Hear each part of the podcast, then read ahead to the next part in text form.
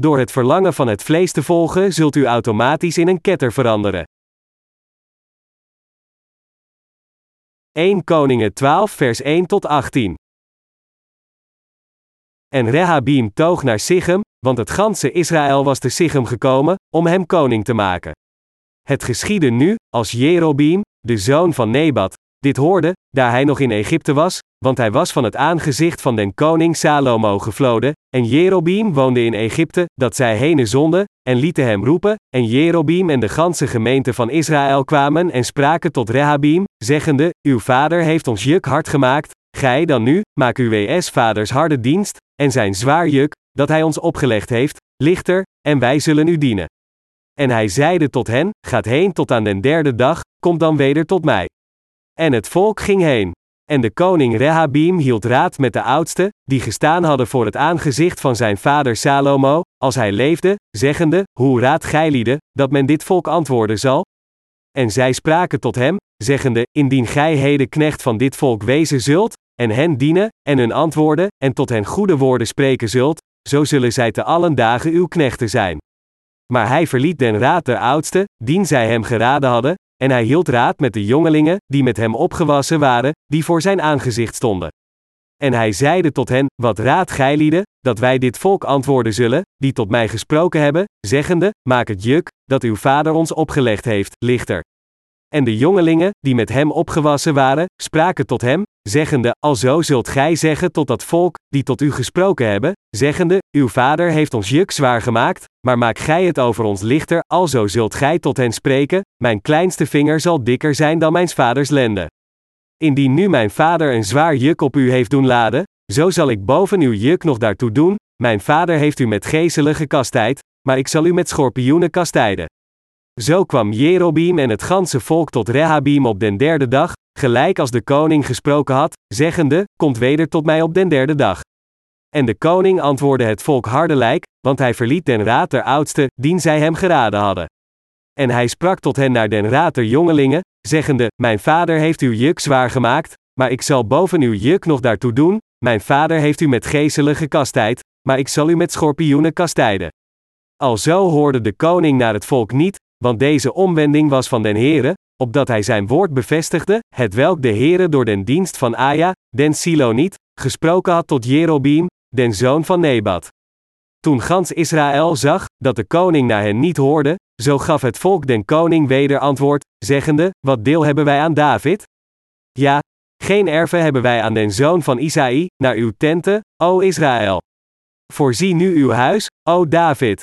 Zo ging Israël naar zijn tenten. Doch aangaande de kinderen van Israël, die in de steden van Juda woonden, over die regeerde Rehabim ook. Toen zond de koning Rehabim Adoram, die over de schatting was, en het ganse Israël stenigde hem met stenen, dat hij stierf, maar de koning Rehabim verkloekte zich om op een wagen te klimmen, dat hij naar Jeruzalem vluchtte. De geschrifte passage van vandaag die we net hebben gelezen beschrijft de gebeurtenissen die zich voordeden toen Rehabim, de zoon van Salomo, de troon overnam. Rehabim was de vleeselijke zoon van koning Salomo. Toen koning Salomo stief, kwam het volk van Israël naar Sichem om zijn zoon Rehabim te zien, en zij maakten een verzoek aan hem. Op dat moment keerde een man genaamd Jerobeam, de zoon van Nebat, terug uit ballingschap van Egypte en kwam om Rehabim samen met het volk te zien. Uw vader heeft ons juk hard gemaakt, maak uw WS vaders harde dienst, lichter, en wij zullen u dienen. Jerobeam en het volk van Israël verzochten Rehabim, nu dat u onze koning bent geworden, toon aandacht aan onze vermoeidheid.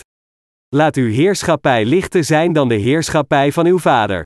Als u ons ook zware lasten oplegt zoals uw vader heeft gedaan, zullen we niet langer in staat zijn om dit juk te verdragen. Beloof ons daarom dat u onze last zult verlichten. Dan zullen we u van harte dienen. Maar ondanks dit, hoewel het volk van Israël Rehabim had gevraagd hen niet zo te besturen zoals zijn vader had gedaan, wees Rehabim de zoon van Salomo het verzoek van het volk af en sprak hen hard toe. De afwijzing van het verzoek van het volk kwam voort uit zijn arrogantie. Natuurlijk, raadpleegde Rehabim als eerste de ouderen die voor zijn vader Salomo hadden gestaan toen hij nog leefde, hen om hun advies vragend met betrekking tot het verzoek van het volk. Zij adviseerde koning Rehabiam zichzelf te bedwingen door tegen hen te zeggen: Als u hen echt wil dienen en hen met vriendelijke woorden antwoordt, dan zullen zij voor eeuwig uw dienaren zijn. Echter, koning Rehabiam luisterde niet naar hun advies. In plaats daarvan raadpleegde hij de jonge mannen met wie hij was opgegroeid en stelde hun dezelfde vraag. Deze jonge mannen adviseerden koning Rehabiam tegen het volk te zeggen: Mijn vader was inferieur aan mij. Mijn pink is dikker dan zijn middel. Als mijn vader u met een zwaar juk en zwepen heeft bestuurd, dan zal ik u met gezels regeren. Toen het volk van Israël zag dat de koning niet naar hen luisterde, keerden zij terug naar hun tenten, tegen hem zeggend: Zorg maar voor je eigen huis. Niet lang daarna stuurde Rehabim Adoram om hen te mobiliseren tot dwangarbeid, maar de tien stammen van Israël gooiden hem met stenen dood. En deze tien stammen van de twaalf stammen van Israël maakten Jerobeam tot hun koning. Daarom besteeg Jerobeam de troon van het koninkrijk van Israël, maar hij zondigde uiteindelijk tegen God, door hem met gouden kalveren te vervangen en door priesters aan te stellen uit elke klasse van het volk, die niet de zonen van Levi waren. 1 Koningen 12 vers 28 tot 32. De Bijbel zegt dat het is vanwege Jerobeam, omdat hij zijn hebzucht volgde dat het volk van Israël in collectieve ketters veranderde, iets dat zij voor heel lange tijd zouden betreuren. Vanaf toen, en tot de tijd dat Jezus Christus naar deze aarde kwam, veranderde Israël in een land van afgoderij. En koning Jerobeam werd voor eeuwig met schande besmet als de man die collectieve ketterij bracht in het domein van geloof. We moeten hier zorgvuldig nagaan hoe koning Jerobeam precies het volk van Israël naar de collectieve ketterij leidde. Jerobeam volgde zijn eigen verlangens en dit is de reden waarom al zijn mensen uiteindelijk vervielen aan ketterij. Al diegenen die het hedendaagse christendom hebben geleid om het in collectieve ketterij te laten vervallen, volgden ook het verlangen van het vlees. God zegt in de Bijbel, want de geldgierigheid is een wortel van alle kwaad, 1 Timotheus 10 over 6. God zegt ook dat diegenen die behoren tot de ketterij niet zijn rechtvaardigheid volgden, verre van, zij staan in werkelijkheid tegen deze rechtvaardigheid, en daardoor worden zij uiteindelijk zijn vijanden. Ketters zijn diegenen die alleen het plezier van hun vlees zoeken. Diegenen van ons die geloven in het evangelie van het water en de geest, en nadenken over ketters denken dat zij fundamenteel verschillend zijn van ons. Maar net als ons, geloven zij ook in God de Vader en Jezus Christus, ze roepen ook de naam van Jezus, ze eren Hem en bidden naar Hem en ze werken en offeren zich op voor Zijn naam. Het enige verschil is dat zij niet geloven in het evangelie van het water en de geest waar wij in geloven, anders dan dit, hebben zij dezelfde Bijbel als wij hebben, en er is weinig verschil tussen hun manier van aanbidding en die van ons. We zijn vaak niet in staat ketterij te onderscheiden en dit komt omdat we niet helemaal begrijpen waar ketters naar op zoek zijn. Het ketterse christendom is in feite ook een aftakking van Gods kerk, dat wil zeggen van corrupte gelovige groepen. Hoe is het mogelijk dat ketterij voortkomt uit Gods kerk? De oorsprong van ketterse groepen gaat een lange weg terug, tot aan de tijd van Jerobeam, zelfs tot aan de dagen van koning Salomo. Het is uit de tijd van Jerobeam dat het hele volk van Israël veranderd is in ketters. We kunnen dit duidelijker zien als we kijken naar hoe koning Salomo had gewandeld omdat koning Salomo alleen zocht naar het verlangen van het vlees en dit volgde, stond hij uiteindelijk toe dat beide hijzelf en zijn volk idolen gingen dienen, en uiteindelijk veranderde hij in een ketter in de aanwezigheid van God. Door Salomo kunnen we zien dat als iemand alleen zijn persoonlijke verlangens volgt, hij in een ketter zal veranderen voor God. Dus het was om ons te waarschuwen voor dergelijke risico's en ons een leed te leren dat God dit verhaal uit het Oude Testament voor ons opschreef. Salomo had de troon van zijn vader David geërfd als ook heel zijn rijkdom en pracht.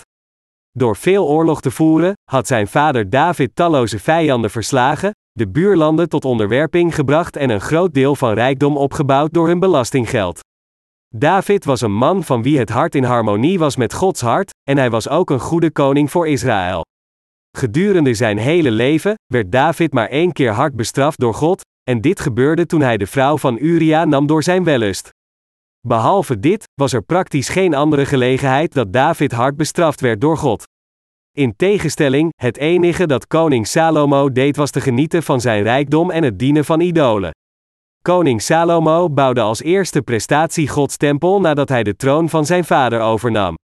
Hij stelde een sterke werkkracht uit 30.000 Israëlische mensen aan, hen inzettend met 10.000 man per ploeg, om een maand te werken en voor twee maanden thuis, 1 Koningen 5 vers 14.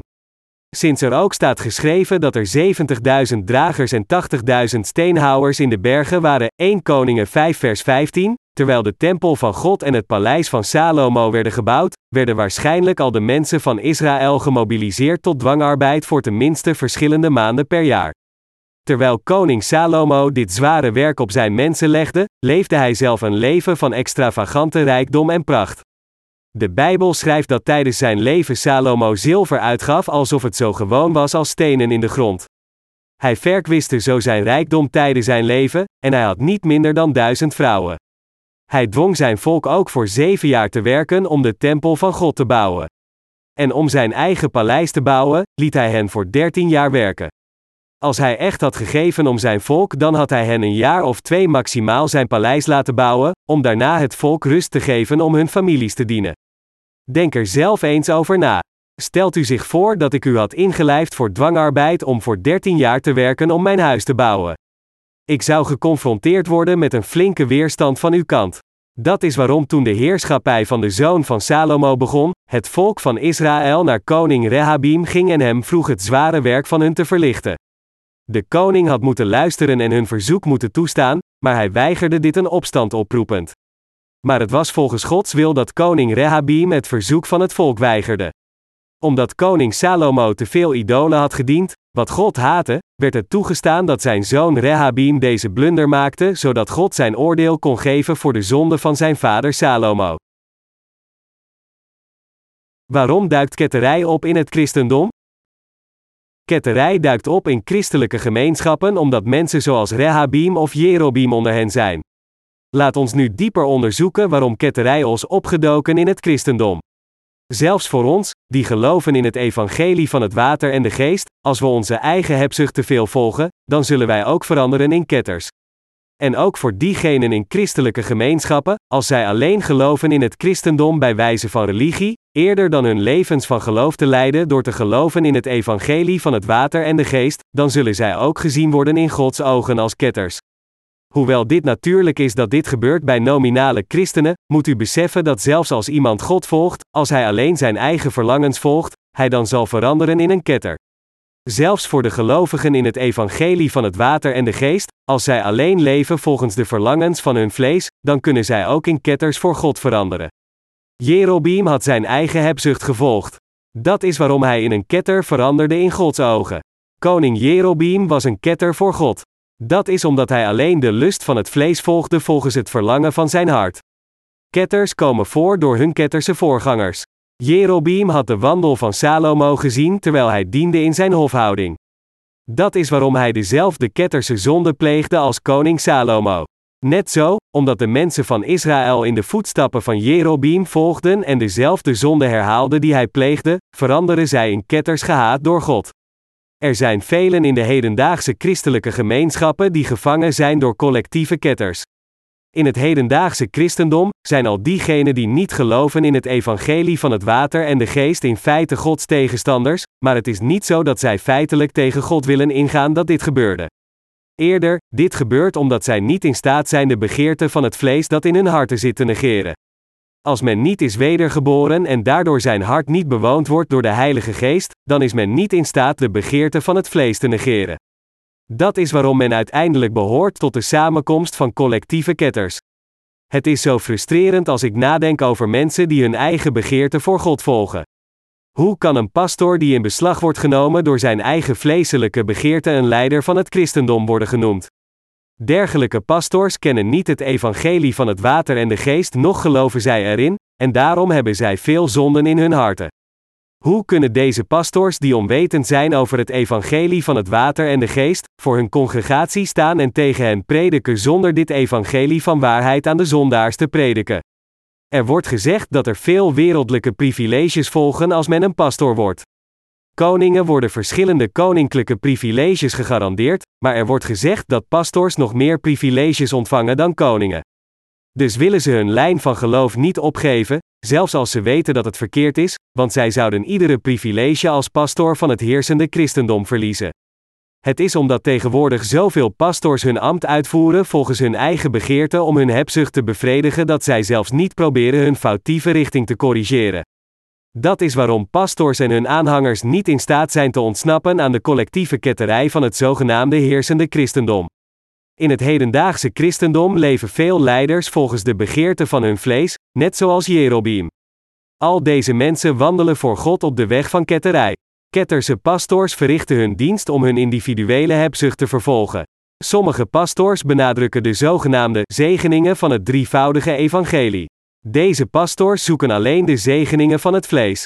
Citerend 3 Johannes 1 vers 2 dat zegt, Geliefde, voor alle dingen wens ik, dat gij welvaart en gezond zijt, gelijk uw ziel welvaart. Zij beweren dat als iemand gelooft in Jezus hij niet alleen gered wordt, maar hij ook de zegeningen van de aarde ontvangt en genezen wordt van alle lichamelijke ziektes. Dergelijke overtuigingen zijn niets meer dan het geloof in onrijpe, valse doctrines te plaatsen die niet beter zijn dan een lompe komedie. Bewapend met het argument dat beweert, alle problemen zullen worden opgelost als men in Jezus gelooft, hitsen ze diegenen op die hun eigen begeerte zoeken en veranderen hen in fanatieke aanhangers van hun eigen leerstellingen. Voor dergelijke mensen is Jezus niets meer dan een verzekeringsagent die hun succes garandeert. Diep in het centrum van hun harten wordt niet Jezus gevonden, maar gouden kalveren. Diegenen die behoren tot de collectieve ketterij zijn de volgers van de begeerte van hun vlees.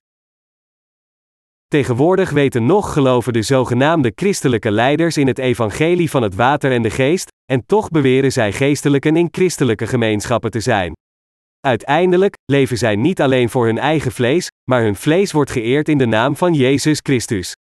Het is omdat zij gouden kalveren willen dienen dat zij hun ambt uitvoeren als geestelijke. In sommige gevallen is er niets anders dat zij kunnen doen in de uitgebreide samenleving. In feite kunnen sommigen van hun anders geen geld verdienen, en dat is waarom zij werken als predikanten.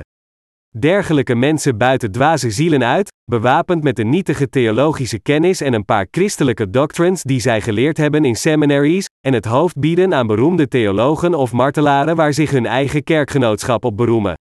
Ondanks dat zij niets meer dan een opeenstapeling van hebzucht zijn, wordt hun vlees in de christelijke gemeenschappen geëerd. Het zijn deze mensen die niet alleen niet in staat zijn hun eigen verlangens aan de kant te zetten, maar zij voeren in feite dit ambt uit om hen te bevredigen, die ketters zijn geworden in het christendom. Zelfs voor al onze predikers, onze medewerkers en onze heiligen die tegenwoordig geloven in het evangelie van het water en de geest, als zij hun eigen privéhebzucht volgen, dan kunnen zij voor God in ketters veranderen. Ten slotte, diegenen die aan de weg beginnen van ketterij doen dit omdat zij hun eigen vleeselijke begeerte in Gods plaats zetten en het dienen als hun God.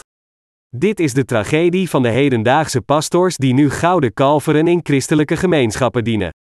Zelfs als iemand gelooft in het evangelie van het water en de geest, tenzij hij dit evangelie dient en zijn leven leeft voor de bekendmaking, dan kan een rechtvaardig persoon ook veranderen in een ketter.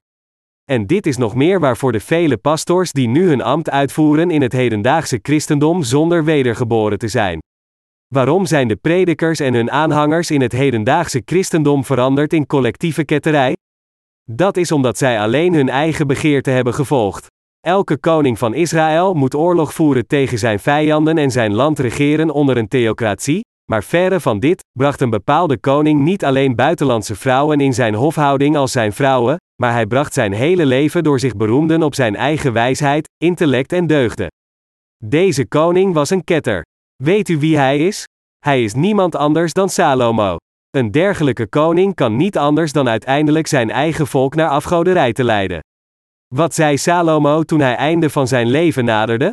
Zei hij niet, ijdelheid der ijdelheden, het is al ijdelheid. Salomo had alles op deze aarde ervaren. Hij had geleefd naar zijn hebzucht, maar was al dit werk niet nutteloos. We kunnen hier een belangrijke lee van God leren. Onze predikers, onze mannelijke en vrouwelijke medewerkers en onze heiligen volgen nu de rechtvaardigheid van God, door de vergeving van hun zonde te ontvangen door te geloven in het evangelie van het water en de geest. Echter, de begeerte van het vlees blijft nog steeds in onze harten. Niettemin, moeten we ons aan het werk van de verspreiding van het evangelie van het water en de geest toewijden, en in de rechtvaardigheid van God geloven en deze volgen. Zelfs voor de rechtvaardigen, als zij alleen hun vleeselijke begeerte volgen, dan zullen zij uiteindelijk in ketters veranderen. Dit is de lee die wij hier ook moeten leren. We moeten onthouden dat zelfs diegenen die zijn wedergeboren door het geloof in het evangelie van het water en de geest en de vergeving van hun zonden ontvangen, kunnen ook idolen volgen. Ik weet zeker dat zelfs in Gods kerk, als onze predikers, werkers en broeders en zusters alleen de begeerte van hun vlees volgen, dan zal het niet lang duren voordat zij ook veranderen in ketters om idolen te dienen. Sommige mensen zullen dan zeggen: Wij geloven in het evangelie van het water en de geest, dus hoe kunnen wij dan ketters voor God worden? Maar dit is niet onmogelijk. Wij kunnen ook gereduceerd worden tot een ketterse kerk die voor 100% idolen dient. Voor diegenen die niet geloven in het evangelie van het water en de geest, is het een vanzelfsprekendheid dat zij idolen dienen. Echter, zelfs wij de gelovigen in het evangelie van het water en de geest kunnen eindigen zoals Jerobeam. Mijn medegelovige, zou koning Jerobeam onwetend zijn geweest over de wet van God? Nee, hij wist er alles van. Hij wist heel goed dat de tiende dag van de zevende maand de grote verzoendag was, en dat wanneer de grote verzoendag of Pascha was, dat het volk van Israël samen moest komen in de tempel van Jeruzalem, zodat de hoge priester namens hen offers kon offeren om het mogelijk te maken dat zij de vergeving van zonde konden ontvangen. Hij was zich ook volledig bewust van het feit dat gewone mensen niet aangesteld konden worden als priester, en daar alleen de afstammelingen van Levi-priesters konden worden. Hij wist ook heel goed dat alleen iemand die afstamde van Aaron aangesteld kon worden als de hoge priester.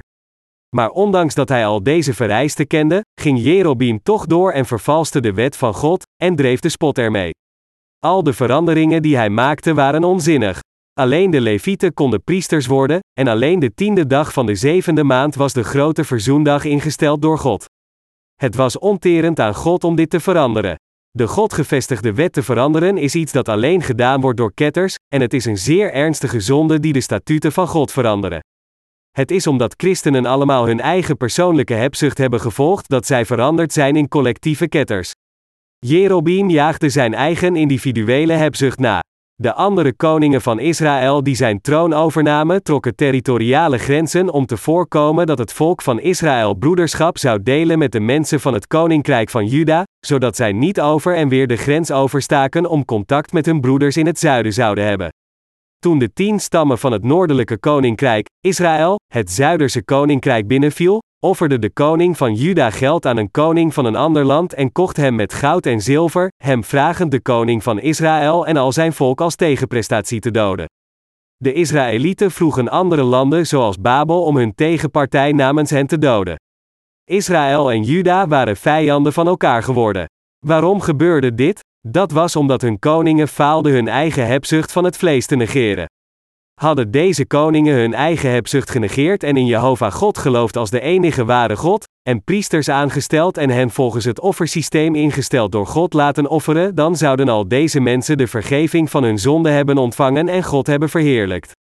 Als koning Jerobeam de afstammelingen van Levi als priesters had aangesteld, de wil van God kende en diende door zijn profeten, broederschap had toegestaan met het zuiderse koninkrijk van Juda door hetzelfde geloof, zijn mensen in de tempel van Jeruzalem had samengebracht en God met het volk van Juda had aanbeden op dergelijke festiviteiten als de grote verzoendag, Pascha en het oogstfeest, en zich met Juda verenigd had om buitenlandse stammen te verslaan, dan zou Israël gezegend zijn geworden door God en zouden zij van vrede genoten hebben. Hij zou zich dan van zijn wettigheid verzekerd hebben, en zijn afstammelingen zouden de mensen op de juiste manier geleid hebben. Maar, Jerobeam deed geen van deze dingen, hij verbrak in plaats daarvan zijn relatie met het zuiderse koninkrijk van Juda en voorkwam hij dat zijn volk contact had met het volk van Juda, alleen maar om zijn eigen hebzucht te bevredigen. Zelfs vandaag zijn mensen over de wereld die niet zijn wedergeboren op hun hoede voor diegenen die geloven in het evangelie van het water en de geest. Deze mensen weten niet wat het evangelie van het water en de geest is.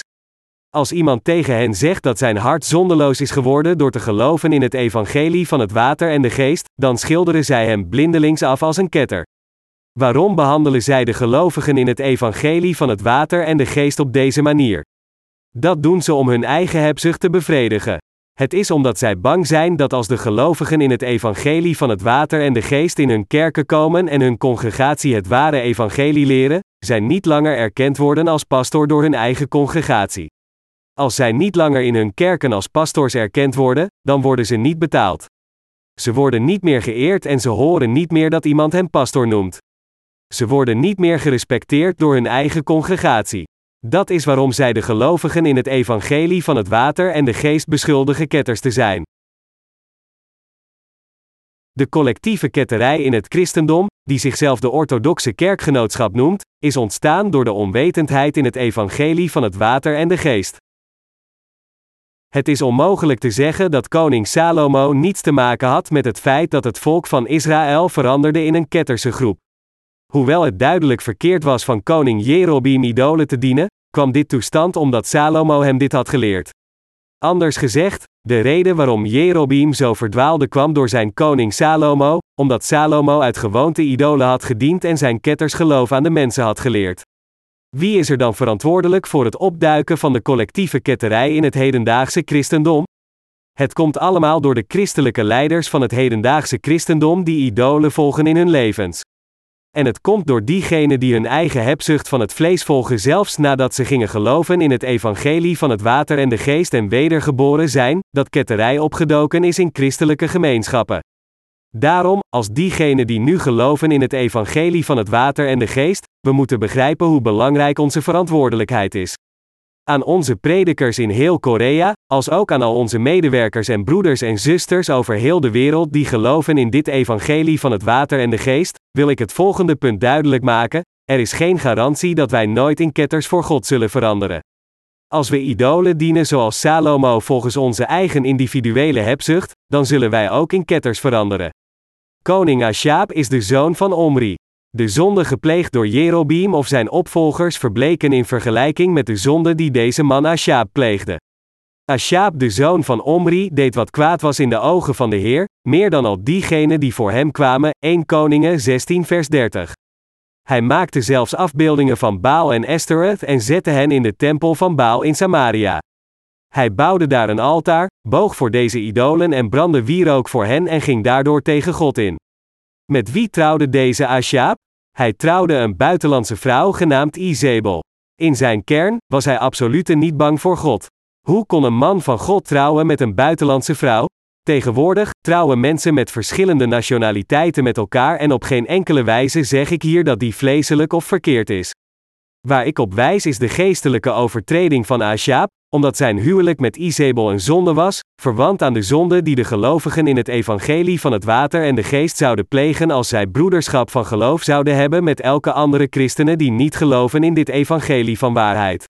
Omdat ik ben wedergeboren door te geloven in het evangelie van het water en de geest, denk ik weinig van diegenen die dit evangelie niet kennen, ongeacht hoe groot en fantastisch ze ook mogen zijn. Kunnen de mensen van God aan iedereen tegemoetkomen en met iedereen bevriend raken?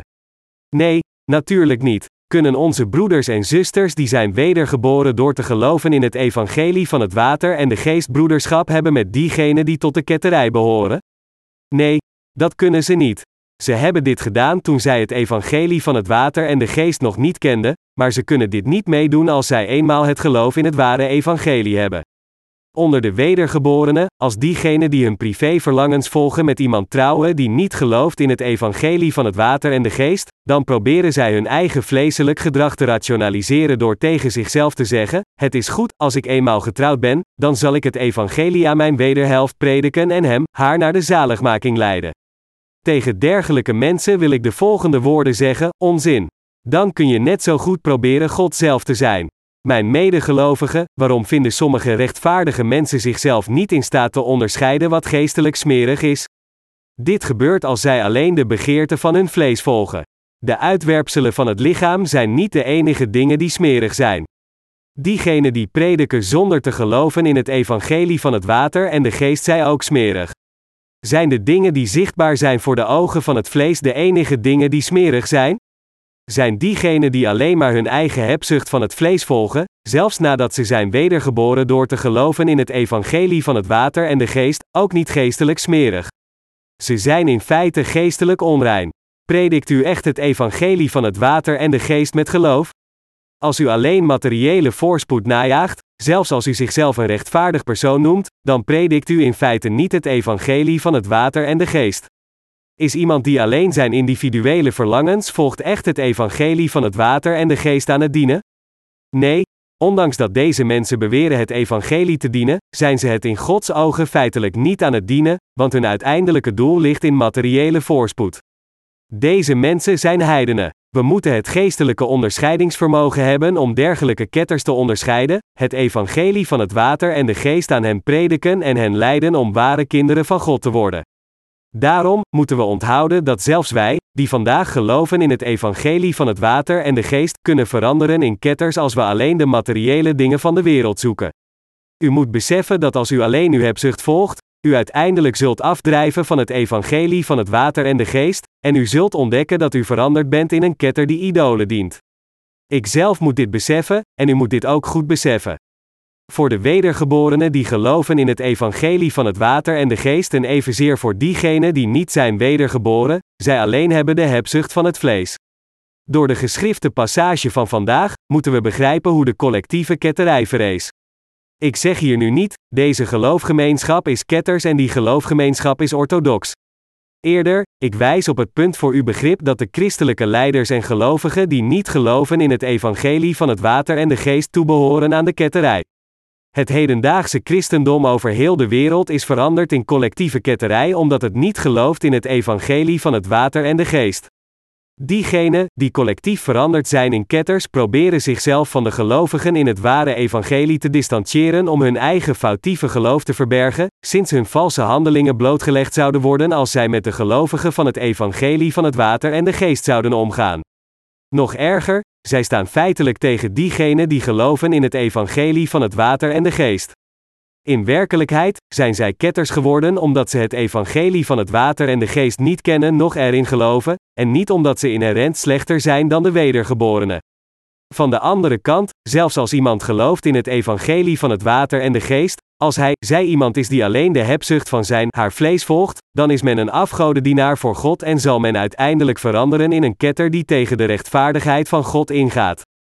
Ondanks dat de verlangens van het vlees blijven opduiken in onze harten, moeten we onze ontoereikende lichamen aan het werk van God geven en het evangelie van het water en de geest dienen, en het is als we de rechtvaardigheid van God met heel onze harten dienen dat we God gaan vrezen. Als we Gods rechtvaardigheid met geloof volgen, dan zullen we door Hem gekoesterd worden. God zal ons ook beschermen, en we zullen Zijn overvloedige zegeningen ontvangen. We kunnen geen correct leven van geloof individueel op onszelf apart van Gods kerk leiden. Een tijdje geleden daagden enkele predikers die met ons gewerkt hadden, de autoriteit van de kerk uitdenkend: we verlaten Gods kerk, beginnen onze eigen kerk, dan worden wij de leiders en predikers. Vol vertrouwen dat zij hun eigen versie van Gods kerk konden vestigen, verlieten zij Gods ware kerk de begeerte van hun vlees volgend. Maar zou God gewoon zomaar iedereen gebruiken? En zou het echt in overeenstemming zijn met Gods wil dat iedereen zijn eigen hebzucht volgt? Het komt omdat wij geleid worden door de Heilige Geest, die ons voorziet met het brood voor beiden onze lichamen en geesten in zijn tijd, en die de wil van God aan ons bekend maakt, dat wij nu leven volgens de wil van de Heer, en onze lichamen en harten aan Hem toewijden. Het komt omdat God ons vasthoudt en ons met Zijn woord en door de Heilige Geest leidt dat wij nu gebruikt worden door God als Zijn werktuigen. Niet iedereen kan een leider in Gods kerk worden. In tegenstelling, diegenen die geloven in het evangelie van het water en de geest kunnen dit evangelie verspreiden en de bekendmaking steunen.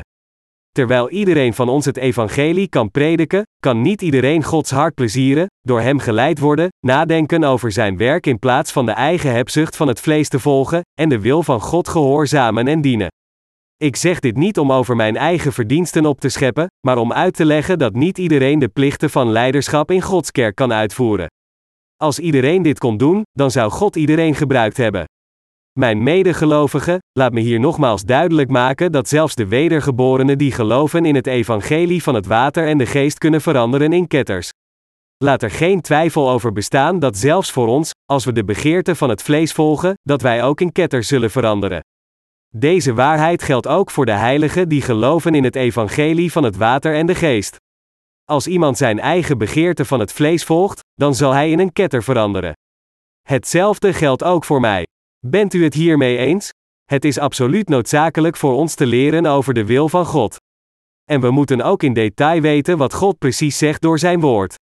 Als we kijken naar het hedendaagse christendom door het licht van het woord van God erop te schijnen, dan kunnen we zien dat het helemaal veranderd is in collectieve ketterij.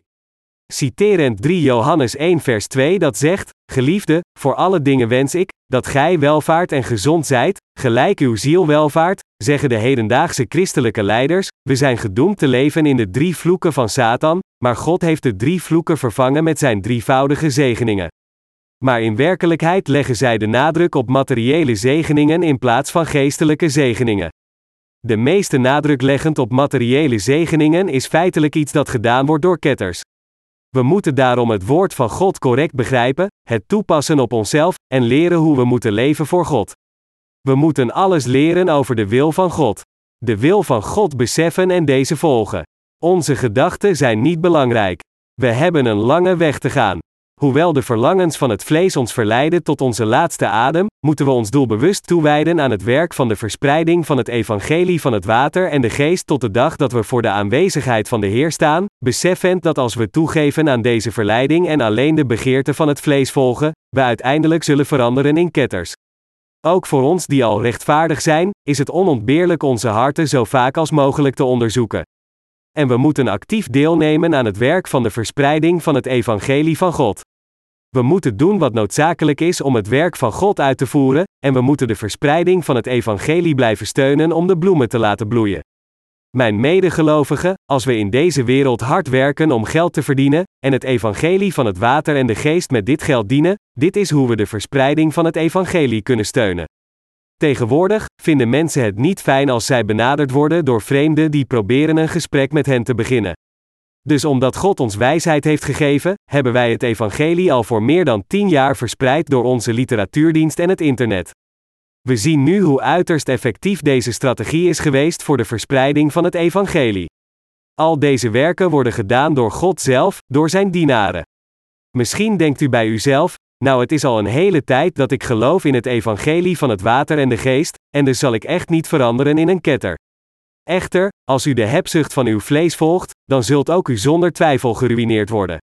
Koning Jerobeam veranderde in een ketter voor God, zichzelf tot het hoofd van de collectieve ketterij makend. We moeten leren door het woord van God dat koning Salomo ook faalde in zijn leven van geloof omdat hij de verlangens van zijn vlees had gevolgd. Aan iedereen, van mezelf aan onze predikers, onze werkers en onze heiligen, wil ik het volgende duidelijk zeggen: wie verandert er in een ketter voor God? Het is iemand die de hebzucht van zijn vlees volgt die in een ketter verandert.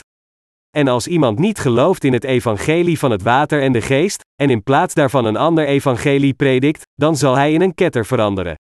Ieder van ons moet zich dit duidelijk herinneren. Als we willen vermijden in ketters voor God te veranderen, dan moeten we geloof hebben, die wil van God volgen en altijd met geloof leven. Sommigen van ons denken dat nu omdat zij een paar dingen weten, en een paar prestaties hebben volbracht en een beetje volwassen zijn geworden in de laatste tien jaar, denken zij te weten wat de pastoor zal prediken zo gauw als hij de hoofdpassage van zijn preek aanspreekt. Dit is echter niet het geval. We hebben amper de eerste stap gezet en we hebben nog steeds een lange weg te gaan. Het ware geloof wordt alleen verkregen als het woord van God begrepen wordt in ons dagelijks leven en stevig geplant is in onze harten door erin te geloven.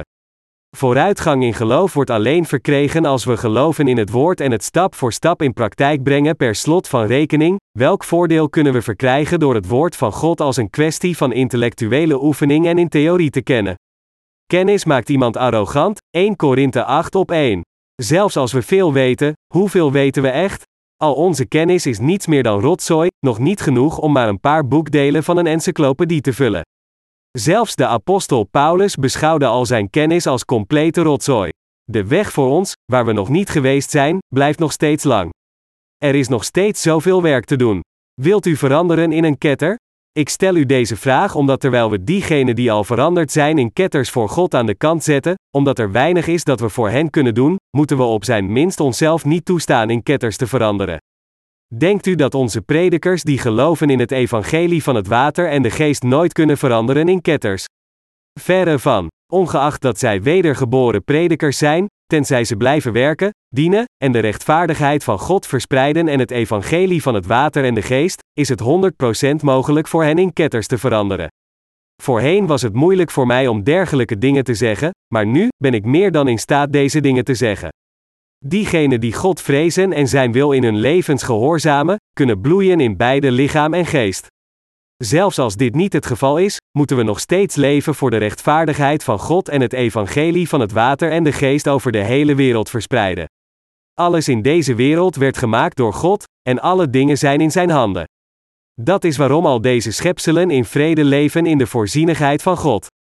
Als wij, die nu leven voor God, onze levens toewijden aan het werk van de verspreiding van het evangelie van het water en de geest over de hele wereld, dan zal God voor ieder van ons zorgen en voorspoed in zijn tijd brengen. Er zijn natuurlijk momenten dat we veel problemen hebben. Echter, er is een gezegde dat zegt: geduld is bitter, maar de vrucht is zoet. Als we het geestelijke werk blijven dienen in goede en slechte tijden, dan zullen we uiteindelijk overwinnen. Hebben we niet gezien hoe God ons gezegend heeft toen we onze plichten naar het best van onze mogelijkheden in gehoorzaamheid tot Zijn wil hebben volbracht? Laat ons daarom niet onze huidige pogingen om de Heer te volgen opgeven, nog in wanhoop vervallen, maar onze levens volgens de rechtvaardigheid van God tot het einde leven. Als we, in feite, vechten tegen ons vlees en het onderwerpen, eerder dan onze eigen individuele hebzucht te volgen, en als we de wil van God volgen, dan zullen onze harten vervuld worden met een onbeschrijfelijk gevoel van vreugde en plezier, getroost door de Heer. Ik weet zeker dat u dit al eerder ervaren heeft, toen uw hart vreugdevol was, ondanks dat uw lichaam compleet vermoeid was. Vertrouwend in de rechtvaardigheid van God, moeten we allen de soort van leven leiden dat eigen is aan Zijn rechtvaardigheid. Door de geschrifte passage van vandaag moeten we allemaal beseffen dat zelfs de wedergeboren, rechtvaardige mensen kunnen veranderen in ketters, als zij hun eigen hebzucht en de begeerte van hun vlees volgen. Ik hoop en bid dat dit u en mij nooit zal gebeuren, dat we veranderen in ketters en idolen dienen. Ik mag mezelf niet toestaan dat dit ooit gebeurt. Hoe kan ik mezelf toestaan in een ketter te veranderen? Hoe kan ik het evangelie van het water en de geest verraden en in plaats daarvan de wereld volgen? Ik mag dit nooit laten gebeuren. Als ik echter eindig de hebzucht van het vlees om welke reden ook te volgen, dan zal ik zeker veranderen in een ketter. En al diegenen die mij volgen zullen ook in ketters veranderen, en u zult ook in een ketter veranderen. Als dit gebeurt, dan zullen we uiteindelijk niet langer het evangelie van het water en de geest prediken, maar het alleen theoretisch kennen en ons geloof zal volledig in onbruik geraken. Uiteindelijk zullen we zoals de dienaar worden die één talent ontving en teruggaf, en daarom zal God ons, ons deel met de huigelaars geven, Matthäus 9 voor 1 avonds. Dat is waarom uw kerkleven zo belangrijk is. Het is essentieel voor u in de kerk te blijven. Het is door de kerk dat God spreekt. U en ik moeten beide luisteren naar wat de Heilige Geest tegen ons zegt door de kerk. We zijn nu betrokken in verschillende bedrijven om het evangelie van het water en de geest over heel de wereld te prediken. Net zoals de apostel Paulus geld verzamelde door tenten te maken met zijn eigen handen, zo delen we onze boeken met de mensen over de hele wereld met het geld dat we hebben verdiend met onze verschillende bedrijven. Het runnen van slechts een bedrijf is zeer moeilijk. Als het bedrijf goed loopt, zullen sommigen van ons denken: Nou, het draait zelf zeer goed. Maar dat was te verwachten, als God iets zegent, dan wordt het een succes. Maar dat is niet altijd het geval. Zelfs als het aankomt op Gods werk, dat het succesvol wordt vereist veel werk en toewijding van onze harten. Alleen als onze bedrijven succesvol zijn, kunnen we de wil van God vervullen, en dus is het onontbeerlijk voor diegenen van ons die met deze bedrijven zijn toevertrouwd hun levens aan hun werk tot te wijden en hun toevertrouwde taken te vervullen. Ons geloof in de rechtvaardigheid van God plaatsend, moeten we continu onze lichamen meedogenloos aan zijn rechtvaardige werken geven. We kunnen het ons niet veroorloven onze werken die we gelanceerd hebben voor het evangelie niet uit te voeren, en als we hen uitvoeren, moeten we dit zo getrouw en zorgvuldig mogelijk doen. We kunnen Gods werk niet halfslachtig op elke manier die wij kiezen uitvoeren. Hoewel iemand nonchalant mag zijn als het aankomt op de zaken van de wereld, niemand met de plicht om het ware evangelie te prediken kan zichzelf toestaan nonchalant te zijn, want hij doet dit werk niet om zijn levensonderhoud te verdienen. Gods werk moet zonder fouten worden vervuld. Het moet voor 100% worden volbracht. Omdat we niet proberen alleen onszelf te voeden, maar iedereen over de hele wereld met het geestelijke brood voeden, en met het voedsel van het vlees als dat nodig is, moet ieder van ons hard werken om dergelijke zegeningen te verzekeren. Dat is waarom we moe zijn van al ons werk. Ik ben geen uitzondering, ik voel mij ook vaak zeer vermoeid. U voelt zich waarschijnlijk ook moe, niet waar? Misschien denkt u bij uzelf: dit moet goed genoeg zijn. De kerk heeft alles dat nodig is. Het heeft al verschillende voertuigen, de financiën worden ondersteund met genoeg fondsen, en ik heb mijn deel van het werk met dit doel volbracht. Heb ik dan het evangelie niet trouw gediend? Is dit niet genoeg? Als de Heer inderdaad blij was met dat wat we tot nu toe hebben gedaan, dan zouden we niet meer hoeven te werken. Echter, als we hier zelf genoegzaam blijven, en het evangelie van het water en de geest niet langer dienen, dan zullen we veranderen in ketters. Als we allen onze eigen nietige verlangens van het vlees volgen en onze levens alleen voor hen leven, zullen we in geestelijke monsters veranderen. We zullen zoals Jerobeam worden. Dit zal gegarandeerd voor 100% gebeuren. Ik heb geen interesse om zoals Jerobeam te worden, nog wil ik zoals koning Salomo worden. Ondanks dat het nederig is, wil ik een werker voor God worden. En als de Heer komt, wil ik hem tegen mij horen zeggen: Goed gedaan, goede en trouwe dienaar, je was getrouw over een paar dingen, ik zal je heerser maken over veel dingen. Tot de dag dat ik naar het koninkrijk van de hemel ga om voor eeuwig te genieten van de rijkdom en glorie genoten door God samen met Hem, wil ik mijn leven van geloof uit te wachten en hopend op deze dag. En deze dag zal zonder twijfel komen. Veel mensen nemen ketters niet serieus genoeg, ondanks dat zij herhaaldelijk voor hen gewaarschuwd worden. Diegenen die tot de ketterij behoren, zijn zeer slecht. Al diegenen die idolen dienen voor God kunnen niet slechter zijn. Ik hoop en bid dat God al de dienaren en heiligen in zijn kerk zal beschermen. In deze eindtijden bid ik naar God om al onze medewerkers en heiligen in Korea en over de hele wereld te beschermen. Ik moedig u allen aan God in deze laatste dagen te vrezen, het evangelie van het Heer te dienen en voorspoed te hebben in beide lichaam en geest. Laat God ons allen zegenen om in Zijn rechtvaardigheid te geloven. Amen.